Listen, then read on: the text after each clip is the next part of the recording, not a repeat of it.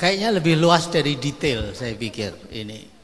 Ada ada banyak yang yang apa yang kita dapatkan atau yang saya dapatkan. Jadi kalau saya apa merefleksikan karena ini semuanya juga arsitek. Um, mungkin begini, kita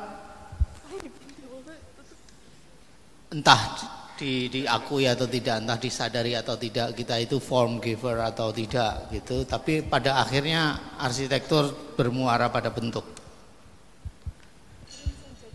hasil wujudnya atau arsitektur punya wujud gitu.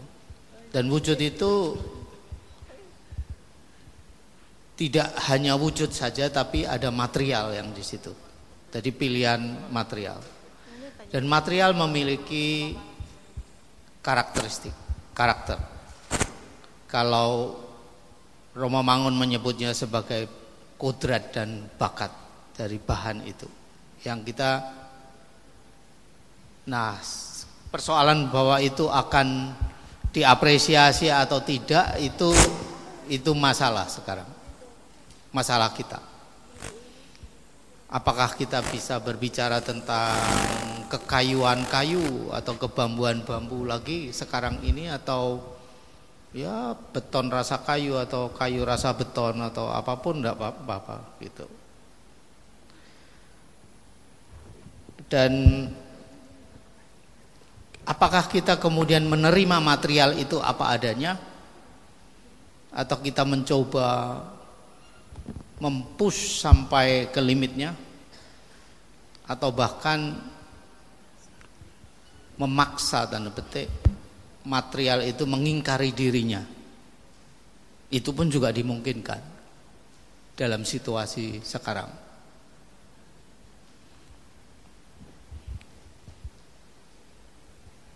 Pada berikutnya geometri. Geometri ini apa? Satu alat atau itu adalah playground tersendiri kita bisa bermain-main dengan menggunakan geometri atau itu metode yang sebetulnya menjembatani antara gagasan kita sebagai arsitek dan tangan-tangan yang melaksanakan atau kontraktor atau siapa yang begitu. Karena gagasan kita kadang-kadang liar tapi kalau tidak bisa dirumuskan tanda petik dalam wujud geometri tertentu nggak bisa diwujudkan juga seperti itu.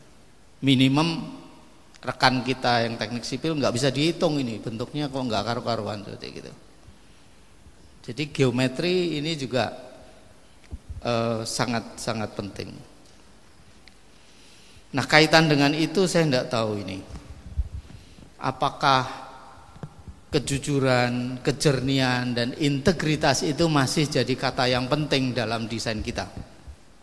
Lagi-lagi semuanya dimungkinkan sekarang ini. Dan apakah structural logic itu masih perlu?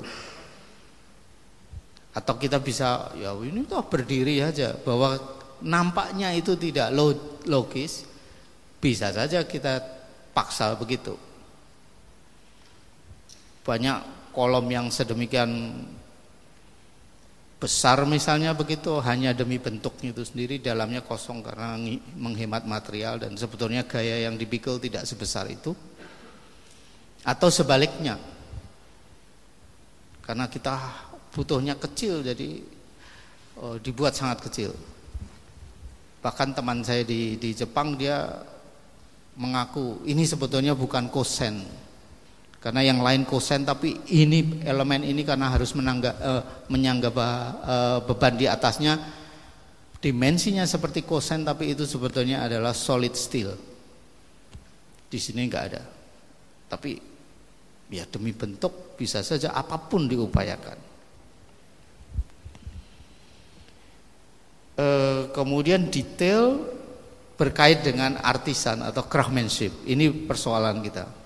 Dan apakah kita mendetail dengan menerima level dari tukangnya itu seperti itu atau kita mengupayakan proses refinement. Ini saya kira tugas arsitek juga. Alexis punya pengalaman tadi awal-awal selalu tukangnya bilang tidak bisa seperti itu. Tapi kita sebagai arsitek mungkin me, penting untuk mendorong sampai level itu. Nah, kalau kemudian sekarang ini kita menjadi arsitek di zaman sekarang, apakah kita masih perlu ya berpikir sendiri seperti zamannya dulu single genius gitu atau sebetulnya informasi itu sudah ada di mana-mana pengetahuan penyelesaian kasusnya itu yang tadi uh, entah itu tertulis entah itu itu ada di tangan uh, di pikiran tukang-tukang di tangan dari tukang-tukang atau itu di di internet kita bisa mengakses informasi tentang solusi apa yang yang sebetulnya diperlukan. Jadi pengetahuan itu ada di mana-mana. Mungkin perlu kita ya gunakan saja seperti itu. Tidak harus membuat sesuatu itu baru. We don't need to invent the wheel. Or we don't need to invent gunpowder. Just use it, utilize it akan capek tuh kalau semuanya gitu dan mungkin jadi tidak betul begitu kalau jadi kita seperti pengen menentukan seorang diri lagi semuanya seperti itu mungkin era itu sudah sudah sudah selesai gitu.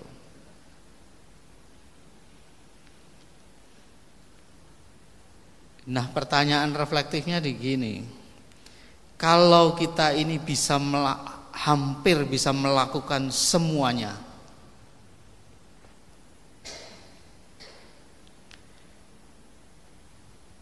dan lalu maknanya apa ya gitu dan kalau kemudian kita masih percaya karena arsitek akhirnya juga harus memunculkan bentuk Sementara di zaman ini kita dimungkinkan bentuk apa pun gitu.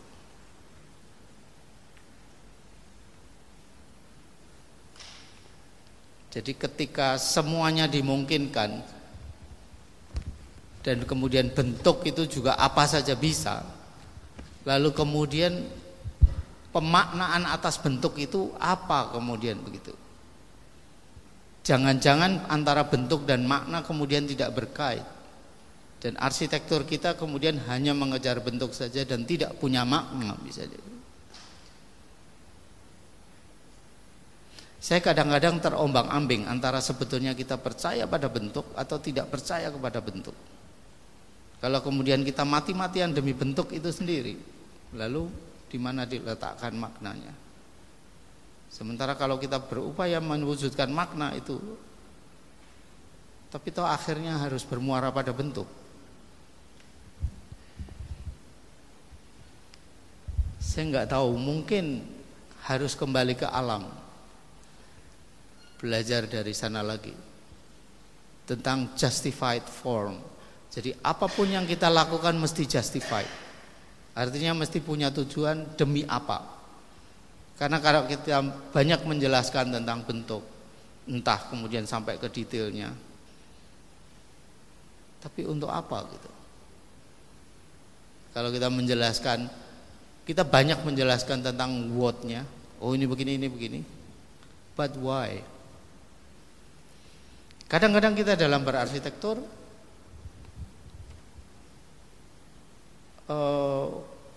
lagi-lagi uh, kita sudah disodori dengan begitu banyak solusi. Cuma yang kita lupa rumuskan adalah persoalannya apa gitu. Framing problemnya. What we are fighting for. Mungkin itu. Selamat berefleksi